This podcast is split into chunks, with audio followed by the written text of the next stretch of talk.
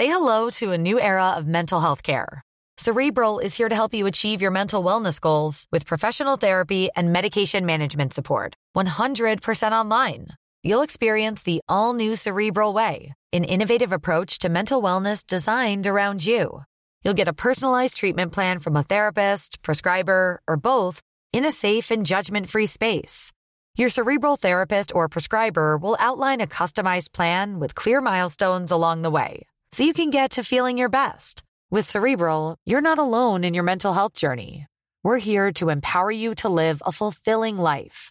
So take that first step towards a brighter future and sign up today at cerebral.com slash podcast and use code ACasts to get 15% off your first month. Offer only valid on monthly plans. Other exclusions may apply. Offer ends July 31st, 2024. See site for details.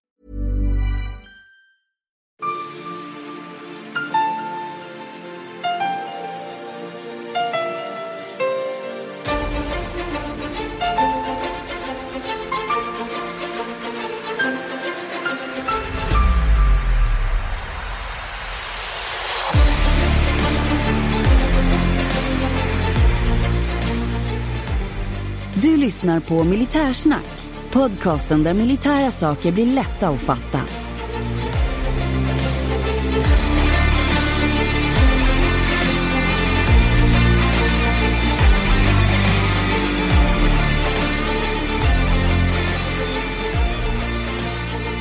Det känns så skönt att än en gång kunna säga att jag har den stora glädjen att få presentera ännu ett avsnitt av Militärsnack. Idag ska vi prata om en rysligt frän liten pryl kallad KSP 58 och jag som pratar heter Henning Svedberg och bredvid mig i värnet sitter Löjtnant Andersson. Du är så välkommen löjtnant. Tack så mycket. Jag har lyssnat lite på det här, jag har lyssnat lite på våra avsnitt bakåt och det är väl sedan avsnitt fem eller sju någonstans så säger jag i stort sett i alla avsnitt samma sak. Jag undrar om, man ska ha den här igenkänningseffekten eller om man kanske ska freebasea lite och ta lite olika intron. Vad tror du? Ja, men det är väl en trygghet. Jag säger också samma sak. ja, Lö- så är det. Löjtnant Andersson. Ja, Tackar, tackar så mycket. Ja, det, men det, det är alltså inte förinspelat utan det är olika varje gång. ja, det tror jag folk hör.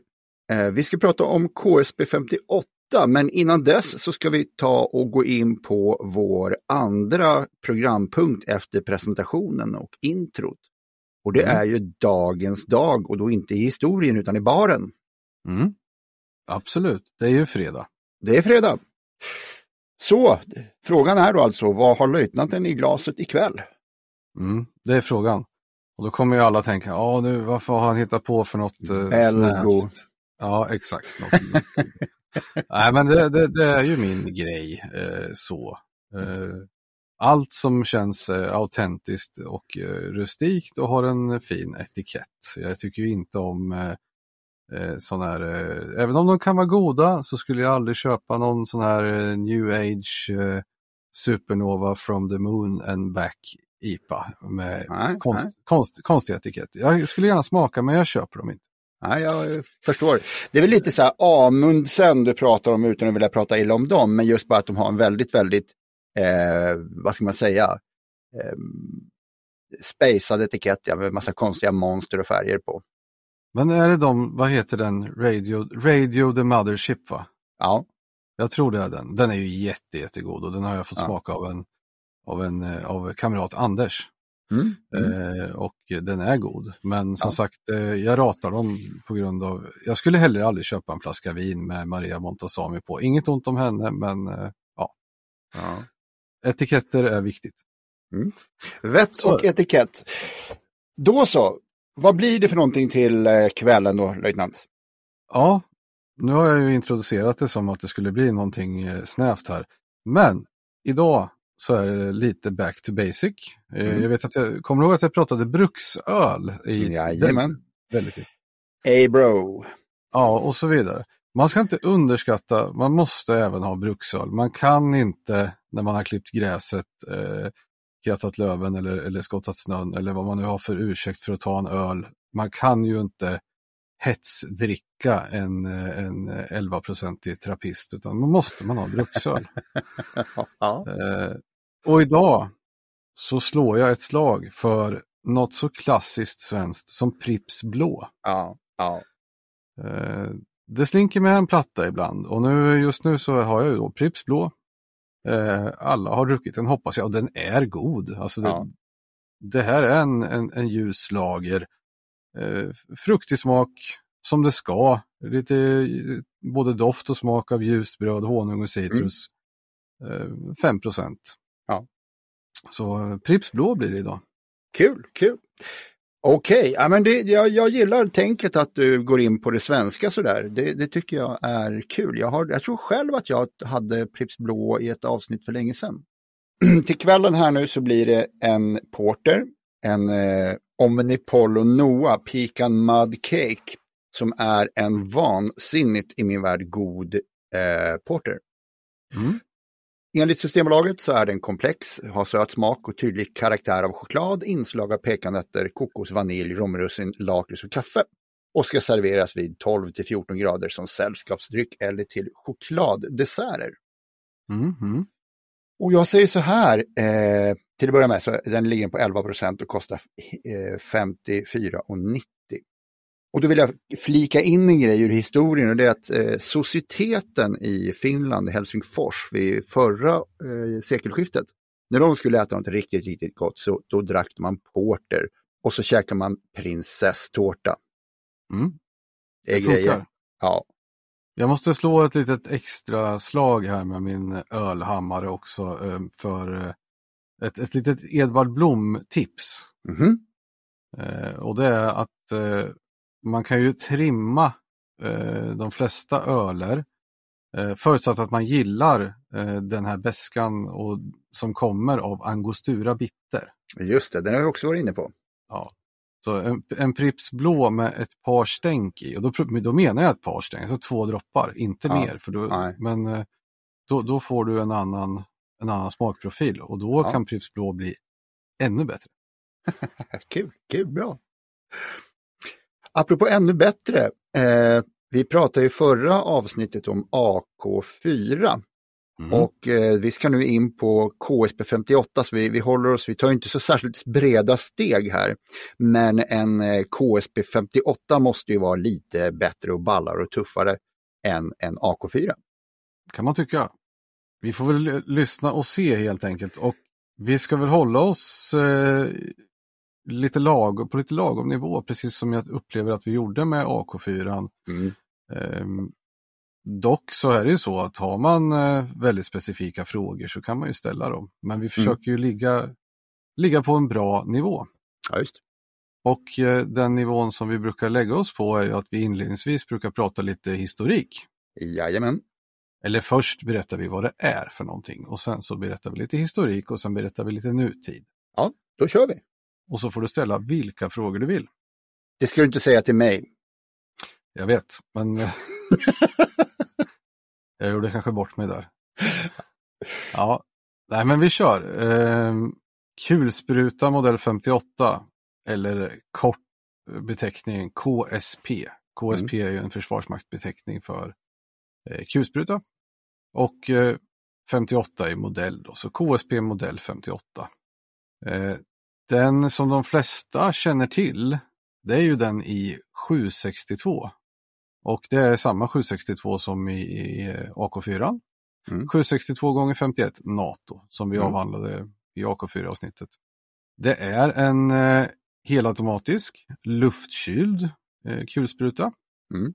som skjuter eh, alltså helautomatisk eld. Så du kan antingen ha säkrat eller så kan du skjuta automateld. Och den skjuter från band. Just. Det är vad det är.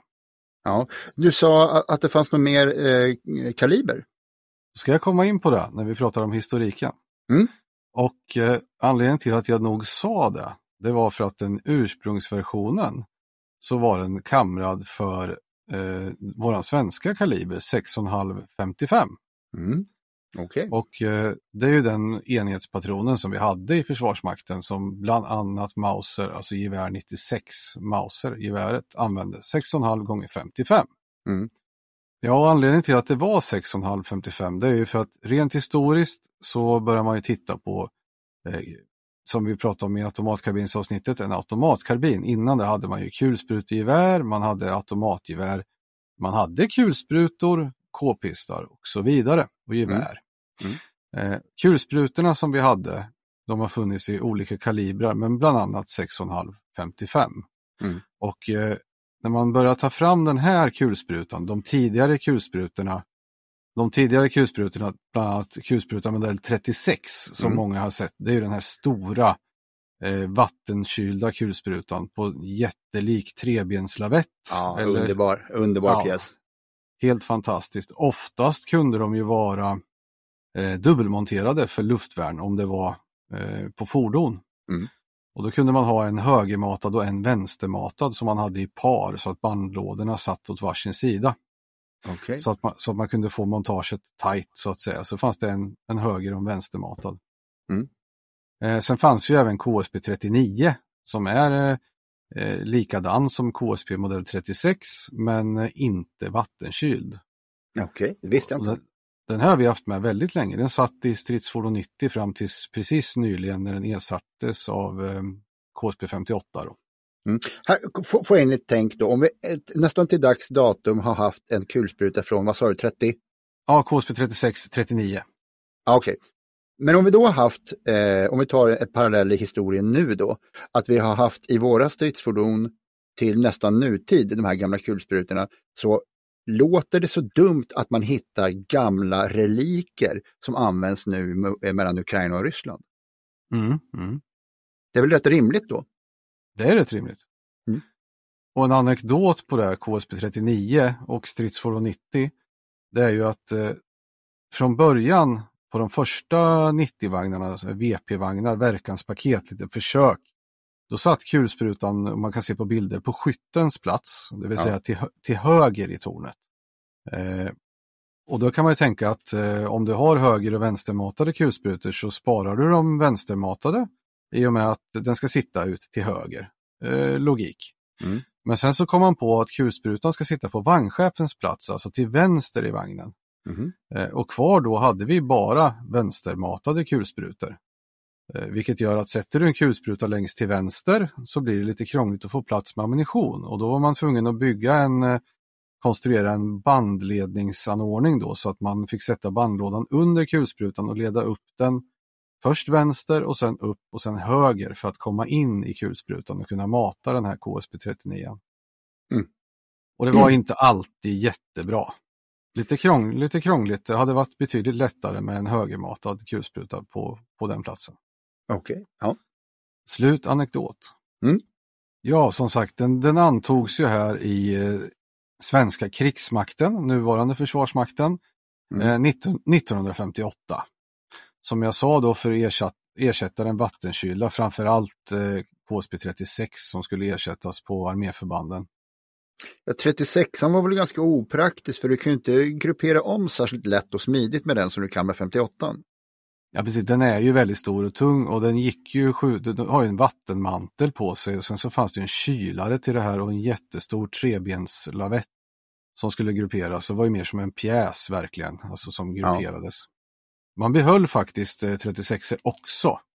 Eh, man kan ju se dem från eh, bilder på KP-bilar och sånt där. Man har dubbla KSP 36 eh, i Kongo och sådana saker.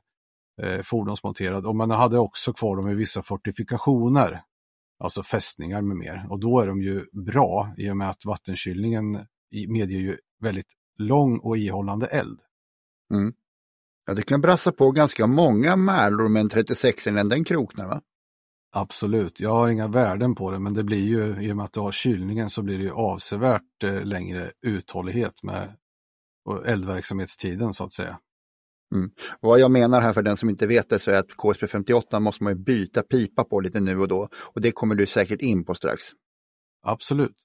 Men den här KSP 58 i alla fall, den eh, kamrades ju om till 762 x 51 NATO mm. och eh, fick samma enhetspatron som eh, AK4 helt enkelt. Och det tror jag var ett ganska enkelt arbete egentligen för att man, den här går ju justera gastrycket på. Mm. med hjälp av en ställskruv. Och eh, då har oberoende laddning så det där kunde man justera i vapnet i sig. Så annars så kan det bli problem att det blir olika gastryck om du byter kaliber men den är ju gjord för att kunna justera det mm. Integrerat. Så att eh, det var ju egentligen bara byta piper eller ta en befintlig 6,5 pipa och, och, göra om till en, eh, en 762-51. Det är ju mm. så att patronläget vart, gick ju från, alltså dels kalibern, själva borrningen, den gick ju upp från 6,5 till 762. Mm. Men patron, patronläget skulle ju bli kortare från 55 till 51. Så om de ersatte piporna helt och hållet eller om de fyllde i dem med gods och, och, och gjorde om patronläget, det låter jag vara osagt. Ja, ja. Det där med gaskontrollen du pratar om är ju är en form av volymkontroll nästan. Det är liksom en hastighets... Den, den anger vilken hastighet den laddar om. Ja precis, den, den, du kan reglera eldhastigheten. Och gastrycket som den, den reglerar det är det tryck som blir efter att eh, patronen eh, skjuts iväg så blir det ett gastryck i pipan och även i vapnet. Just precis.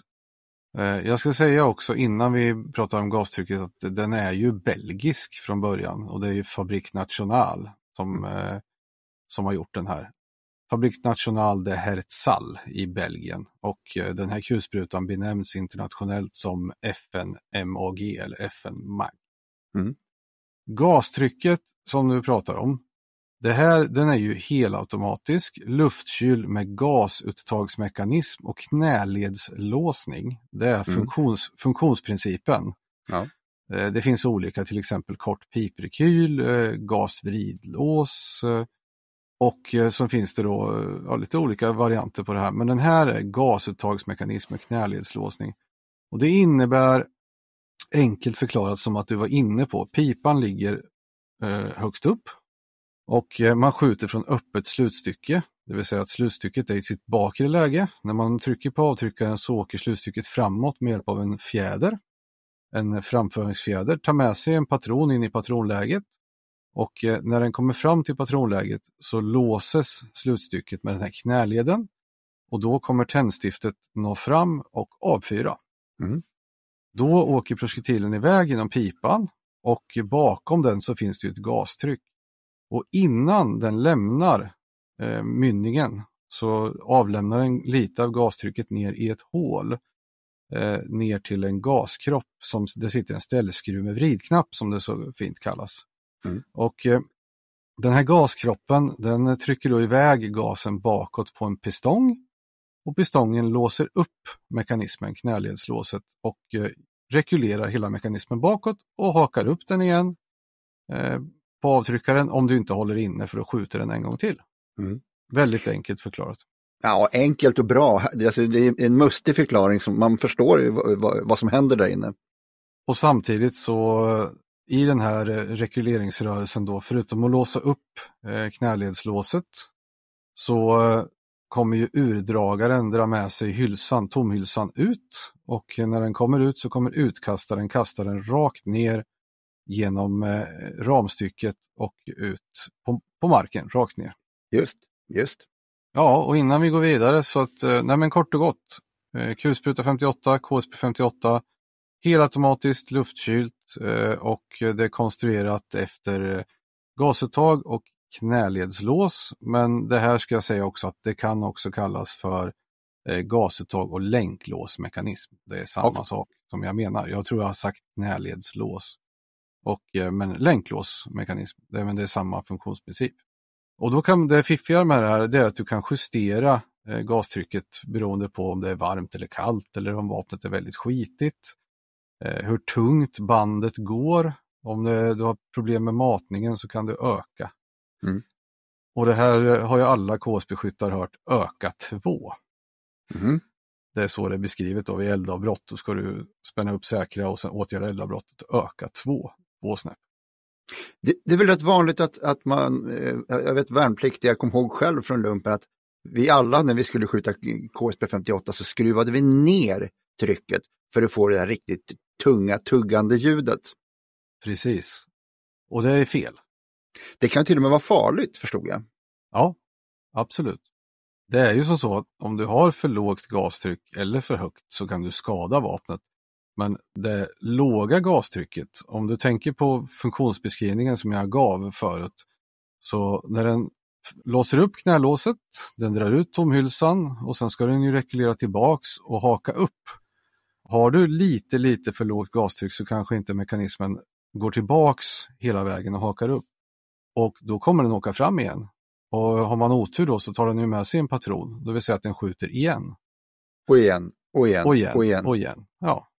Och då blir det okontrollerad automateld. Och det enda man kan göra åt det, det är att ta bandet eh, som den matar in och vrida. Så får du stopp på det. Ja. Men jag tänkte på det, det här med att byta pipan. Förklara vad, vad det, varför man måste göra det för oss som inte förstår. Mm.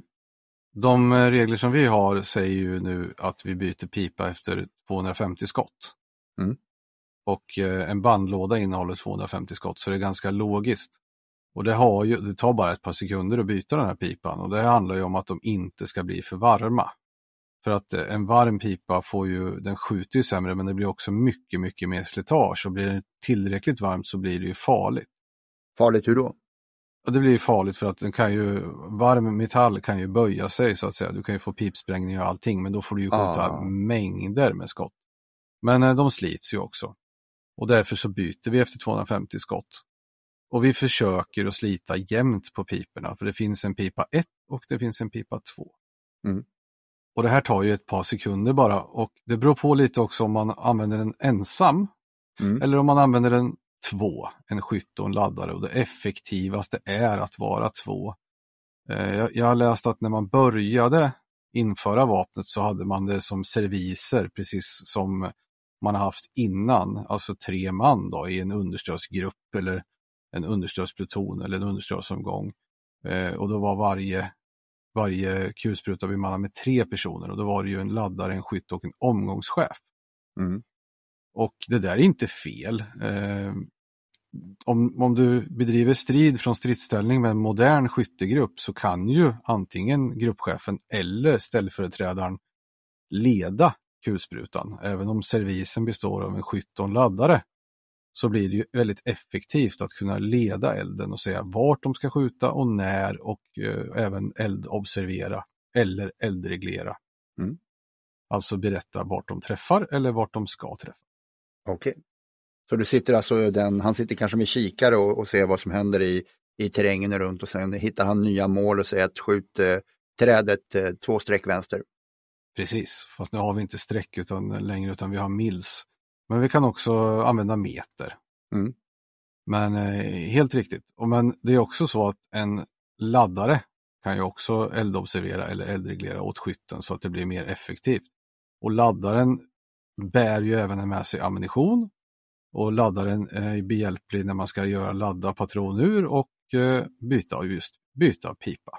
Hur- Nu, var det jättelänge sedan jag, jag sköt eh, KSP 58 men som skytt så ser man väl inte så jäkla mycket vad som händer när man väl börjar mata på. Då får du byta från att titta genom sikterna till att titta på vart, vart spårljusen och eh, nedslagen tar vägen. Ja, hel- helst båda två samtidigt, men det blir ju lite eh, mindre effektivt och det, det är därför det är så bra om någon eldobserverar åt dig. Mm. Och nu för tiden så kallas ju den här för en medeltung eh, kulspruta. Och det är ju lite för att, att liksom destinera den från KSP-90 som är ett enmansvapen eh, som är en lätt kulspruta och eh, 12,7 mm kulsprutan som är en tung kulspruta. 12,7. Det är Precis. jätte... Jösses.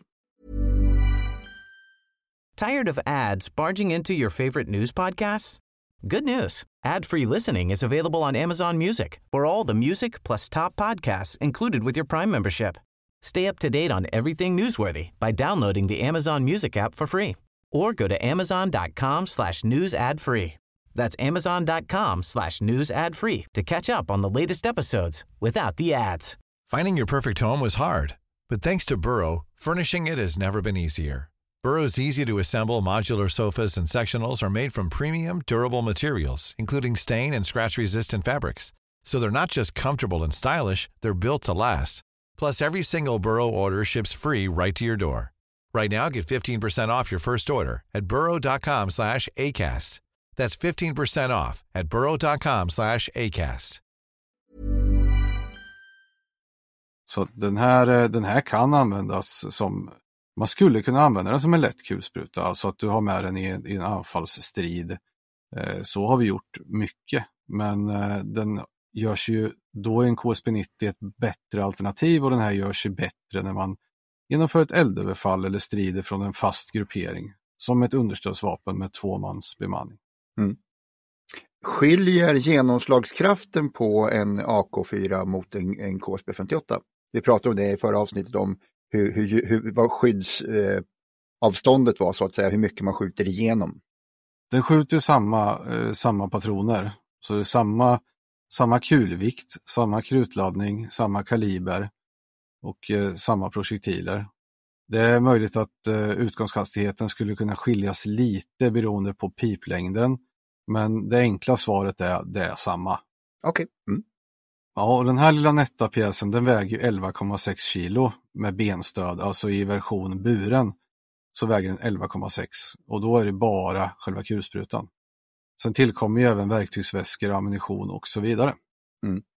Så när den används i anfallsstrid, vilket man kan göra, så skjuter man ju från höften och det, det, blir ju väldigt korta avstånd och att man, man får skjuta från höften helt enkelt. Det finns killar som kan skjuta med den här från axeln också men det inte riktigt att rekommendera med tanke på också att den kastar ut hylsor och sånt neråt. Ja. Och eh, får du en sprängning där så har du generellt armen i vägen om du skjuter från axeln. Och vän av ordning kan ju undra då, hur kan man skjuta med den från höften om den matas från en bandlåda? Och den kan matas från en bandlåda med 250 eh, patroner i ett metallband.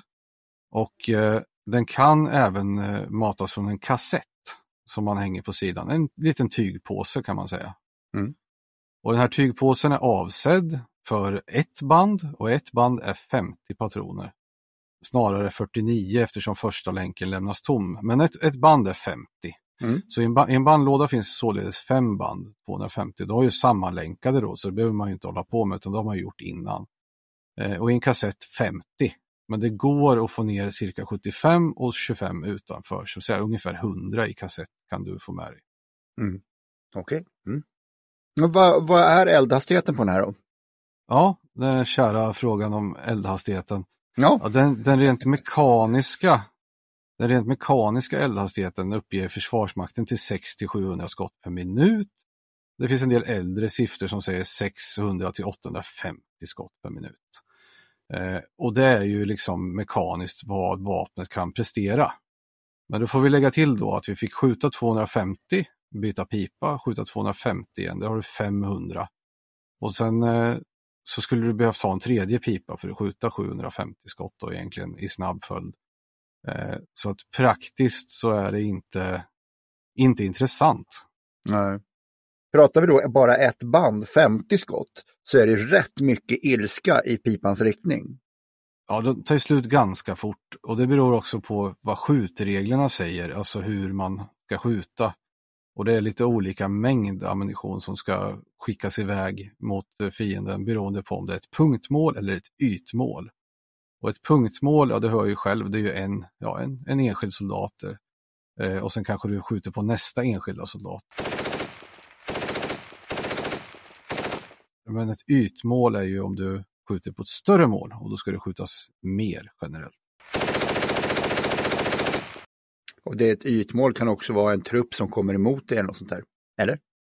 Ett ytmål kan vara en, en samlad trupp och det kan också vara ett fordon eller så kan det vara ett terrängparti som ska nedhållas. Ja, bra. Men den här bössan den har ju varit med ett tag eh, sedan då 58 eh, och den har väl precis som AK4 funnits i massa olika varianter. Mm, det stämmer. Eh, den kulspruta som de allra, allra flesta känner igen eh, som inte var med för riktigt länge sedan, alltså så fort den blev 762 gånger 51 NATO så heter den egentligen KSB 58B, B som i Bertil. Mm. Och det är ju den eh, klassiska eh, kulsprutan med benstöd och eh, öppna riktmedel, den som hemvärnet i huvudsak använder idag. Och den heter Bertil och då tänker man, vad var Adam? Eh, ja, den hette bara KSP 58 när den var 6,5-55 men sen så får man väl lov att kalla den för KSP 58 Adam då. Så ursprungsversionen. Så KSP 58 Bertil, det är den som vi allra flesta känner till eh, och det är den 762 51. Sen eh, finns det en KSP 58 Caesar stridsfordon. Och det är en eh, version där man har skalat av eh, bland annat eh, riktmedel, benstöd och axelstöd, även kallat kolv. Eh, och det är för att den ska kunna passa i ett stridsfordon och då behövs ju inte de här sakerna i och med att den sitter fastmonterad på en, en vagn. Mm. Sen finns det en KSP 58 C2, Caesar 2. Och det är en 58 Caesar men den är anpassad för ammunition eh, som är bandad med sönderfallande länk. Okej. Okay.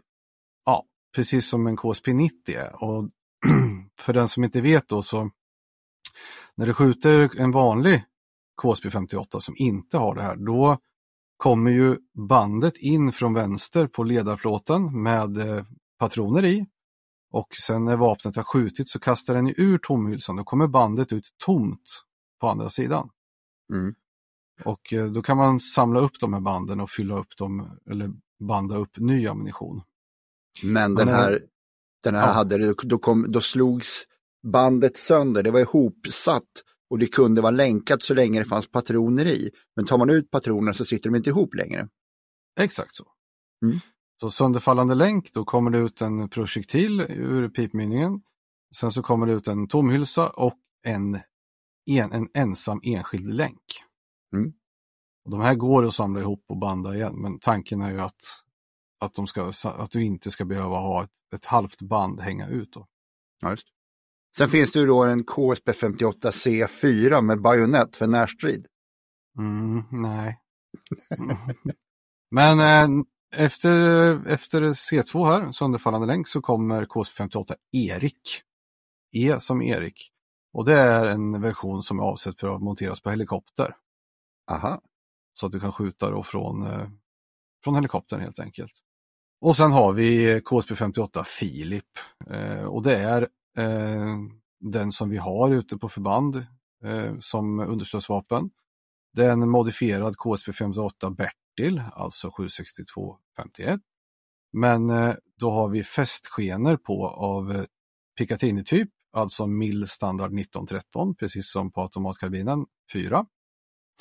Eh, och den, då har man en, en sån Picatinny-skena eller rail på lådans översida, så uppe på vapnet. Eh, och det är ju för att kunna fästa rörpunktssikten, laserpekare och andra tillbehör.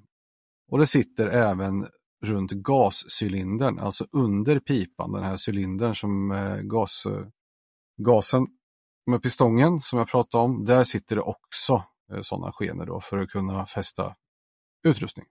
Mm. Mm. Och eh, jag gissar att precis som eh, eh i AK4 så finns det väl ett gäng olika ammunition som man ska använda på den här. Ja, precis. Och det är samma, det är ju samma ammunitionstyper. Um, det är ju normalprojektilen, alltså en eh, vanlig stålkärneprojektil, en eh, vanlig helmantel. Och uh, sen finns det den pansarbrytande projektilen. Uh, det finns den lösa ammunitionen och den blinda ammunitionen. Och sen finns det spårljusprojektiler. Precis som uh, vi pratade om på AK4. Och det vi glömde säga då, som kanske mm. är mer, mer aktuellt här nu när vi pratar kulspruta, det är att det finns även IR-spårljusprojektiler. Vad är det? Ja, det är ljus som du inte ser med blotta ögat. Aha, lurigt. Men du ser det med eh, bildförstärkare. Så om du skjuter en mörk, mörkerskjutning eftersom du har rörpunktssikte så kan du skjuta med bildförstärkare eller goggles i folkmun. Mm. Och eh, då vill du inte ha spårljus som... Eh, ja, du blir blind då? Ja, det blir väldigt, väldigt, väldigt ljust och eh, det finns ingen anledning att visa det för en, en motståndare heller egentligen. Då. Nej, just. Men den har ingen rökgranatsprojektil? Nej, den har ingen eh, gevärsrökgranat. Det skulle säkert gå. Eh, någon, alltså kan man tänka det så har någon gjort det. Eh, jag har inte gjort det, men någon har säkert provat en, eh, en sån här till automatkarbin 4. Eh, om den går på så vore det praktiskt genomförbart att skjuta med en drivpatron. Det är mm. säkert någon som har provat. Ja. Inte, inte jag. Nej. Eh, jag råkar veta att eh, KSP 58 då, som FN MAG användes under Falklandskriget 82 mm. av båda sidor. Och att det egentligen enda som skilde dem åt var att de hade olika färg på spårljuset. Så att när argentinarna sköt, nu kan jag säga fel färg, så var det orange ljus och när britterna sköt så var det, var det blågrönt ljus. Eller vice versa. Mm. Så då kunde de sno, eh, ta över varandras eh, ammunition och bössor och sånt beroende på vad de själva var, var låg på. Precis, det är ju som eh, Ryssland och Ukraina just nu som använder liknande, eller inte samma, men liknande eller likadan utrustning. Just, just. Nu, nu är den ju här från 58 och vi var inne på att kulspruta eh, 39 eh, där hade hängt med väldigt länge. Hur lång livslängd tror du att 58 kommer ha i Sverige? Ja, alltså den här är bra. Den är, den är riktigt bra. Eh, den, eh, det, det, är klart att man kan önska sig lättare saker och så vidare, men för, för understödsrollen så är det här en, en, eh, en väldigt, väldigt bra kulspruta. Och det är till och med så att andra länder har, jag vet amerikanerna hade ju den här M60 kulsprutan och nu har man ju sett, inte igår, utan men i modern tid att man har, har, har köpt andra kulsprutor, bland annat den här. Och det är för att den är väldigt, väldigt bra och väldigt driftsäker. Mm. Och så länge det finns reservdelar, och det gör det, eh, så tror jag att man kommer att använda den här. Det, bara en sån sak som att man har valt att montera den här på stridsfordon 90 nu. Ja. Eh, det är ju väldigt dumt att investera när man gör en sån här renovering från KSP 39 till 58 om man inte tänker att man ska ha, ha den kvar. Mm. Och vad skulle kunna ersätta den då? Vad skulle specifikationerna kunna vara på ett framtida vapen? Ja, då är det nog en, en, eh, en bandmatad helautomatisk luftkyld kulspruta eh, mm. i den kaliber som vi vill ha. 76251 NATO. Sannolikt, om inte NATO-standarden blir någon annan. Men eh, då kanske det är aktuellt med att eh, pipa om de här igen eller hitta på en ny lösning. Just det. Och då för, förmodligen lättare kanske? Ja, det skulle väl vara det. Alltså jag tror att den kommer hänga med ett tag till om det inte blir någon eh, eh NATO-standardbyte av eh, ammunition och vi går med i NATO och eh, hänger på. Mm. Och då skänker vi de här alla vi har till Ukraina? Ja, de har säkert florerat där redan. Varifrån de kommer, om de, eh, det låter jag vara osagt. Ja. Mm, men då har vi väl skrapat lite på ytan med eh, KSP 58 så man får ett litet grundinsikt på vad det är för vapen. Det tycker jag och lite eh, nörderier har vi också gått igenom. Men som sagt, det är ett jäkligt potent vapen, väldigt eh, hög funktionsgrad om man sköter det. Man behöver se till att ha rätt gastryck, man behöver provskjuta eh, i anslutning till utgångsläge för anfall eller vad man nu, eller när man hämtar ut och förrådet. Man behöver smörja upp det, man behöver se till att gastrycket är rätt, provskjuta eh, innan man går ut i striden och eh, se till att sköta vapnet. Sen kan det uppstå eldavbrott men de är ofta väldigt, väldigt enkla att åtgärda. Mm. Och alla, reserv, alla reservdelar man behöver finns ju med i stort sett i, i väskan, väskorna man har, väska 1 och 2. Ja. Det som går sönder, det, det, vet man vad det är och det finns där. Ja, det finns ett konstigt eldavbrott. Eh, får jag nörda kort? Ja, ja, ja. Ja, eh, det finns en lucka under vapnet som heter skyddslucka. Mm. Och den här ska man ha stängd vid förflyttning och sen öppnar den sig när man eh, avfyrar. Och sen ska den hålla sig öppen tills eh, du stänger den igen. Ja. Den är fjäderbelastad. Och eh, det kan bli konstiga eldavbrott som eh, kan, vara, kan vara väldigt, väldigt svåra och eh, och begripa sig på. Jaha. För du, du skjuter ett skott, då ja. avfyras ju det, sen går mekanismen tillbaks. Eh, och, det, och den här fjädern är skadad, då när du skjuter skottet kommer luckan öppnas. Ja. Men sen när fjädern inte håller den uppe så slår den igen. Jaha. Så när vapnet rekylerar tillbaks och ska kasta ut hylsan, då fastnar den i ett, någonting som kallas för ramstycket. Ja. Eh, och då kan du inte skjuta något mer skott. Och det man gör då det är att man spänner upp den igen och eh, försöker skjuta. Ja, och då öppnas ju luckan när du, när du spänner upp. Ja. Då kommer luckan öppnas och så fa- faller den här ur. Ja. Och så, titt, så tittar man ner, ah, det är inget, inget skrot i den här, det, det finns inget eldavbrott där, jag skjuter igen, samma sak igen. Ja. Eh, och ett väldigt, väldigt svårt eldavbrott att hitta i och med att luckan slår upp av sig självt, stängs av sig självt och sen när du åtgärdar eldavbrottet då kommer den öppnas. Så att du ser inte att den är stängd. Ja, vilken luring. Så det kan ju någon, eh, någon lägga i bakhuvudet när de får konstiga eldavbrott. Och då får Ja. man helt enkelt, eh, då får man tejpa upp luckan så att den står Ja. öppen. Eller montera bort den. Ja, kul, kul. Mm. Ja, vad skulle du skjuta på då? Eh, Du får börja idag. Får jag börja idag? Ja, ja Mm. jag skulle vilja och innan miljötalibanerna går i taket så säger jag att de här är helt giftfria och jag kommer att hämta upp dem igen. Men jag skulle någonstans vid någon sjö eller kanske till och med havet eller någonting vilja lägga ut ett större antal 205 liters fat, alltså tunnor, plåttunnor. Och så får de ligga och guppa, så på ganska stort avstånd ska jag ligga och skjuta och, och var, för varje gång jag slår igenom ett så blir det ju, och då sjunker tunnan. Mm. Det vill jag göra. Sänka tunnor. Ja, Ja, men det låter väl trevligt. ja. och du? Ja, men eh, då skulle jag vara med. Och, Ja. eh, och stå bredvid. Och inte skjuta, utan eh, jag skulle kunna sitta i en eh, brassefåtölj och dricka öl, muttra, peka och komma med glada tillrop. Muttra och glada tillrop, ja okej. Mm. Ja men det är bra. Fixar du eh, kulsprutan så letar jag reda på en sjö man får skjuta vid och så kör vi. Ja, allt det där finns ju. Förmodligen. Men det här kommer, det här kommer inte genomföras. Du drar en disk, disclaimer på detta. så någon inte tror att vi kommer att genomföra det på riktigt. Men det Nej, är, det är fullt genomförbart. Ja, ja. Kul. Men då är vi framme på punkten datumet i historien. Ja, Och, ja, eh, idag har vi då 28 oktober. det har vi. Och vi har också en ganska stor händelse som jag när jag eh, läste på lite om det här insåg att det var ett väldigt, väldigt kort intensivt. Och det jag pratar om är Kubakrisen som tog slut den 28 oktober 1962. Och den hade då varit i 13 dagar, jag trodde det här var en längre tid. Och det var ju USA och Sovjetunionen som bråkade över där. De hade ju, ryssarna hade ju ställt ut ballistisk, ballistiska robotar på Kuba. Och det här gillade ju inte USA. Så de inledde en militär blockad mot Kuba och det var en massa incidenter och det var nära att det utlöste ett tredje världskrig.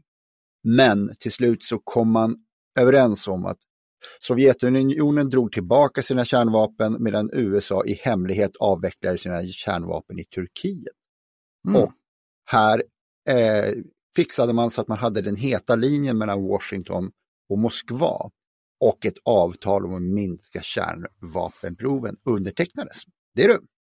Det är du.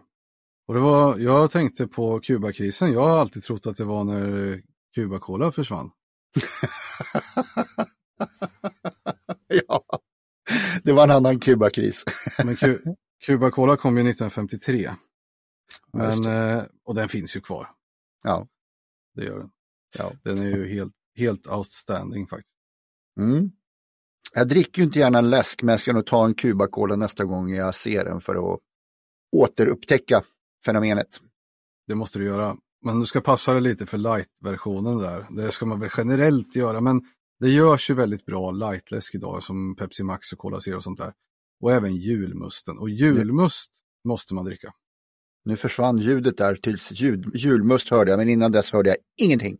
Ingenting. Nej, det behövde du inte göra heller. Utan, eh, jag, jag konstaterar att ett bra komplement till öl är julmust. Ja, det är bra, för det där med lightläsker och det, det hörde jag inte.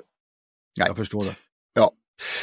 ja, vad vi mer förstår det är att vi vill att våra lyssnare ska gå in på vår Facebook-sida Militärsnack och ta del av våra små saker som händer där. Mm. När det kommer något och händer något så säger vi ofta det där eller på vår eh, Instagram. Yes. Och hemsidan såklart. Militarsnack.se. Mm. Ja men då så löjtnant, då tycker jag att vi har ett avsnitt. Det tycker jag. Ska vi tacka våra lyssnare och varandra och eh, säga hej hej? Det gör vi. Tack så mycket. Tackar. hej. hej.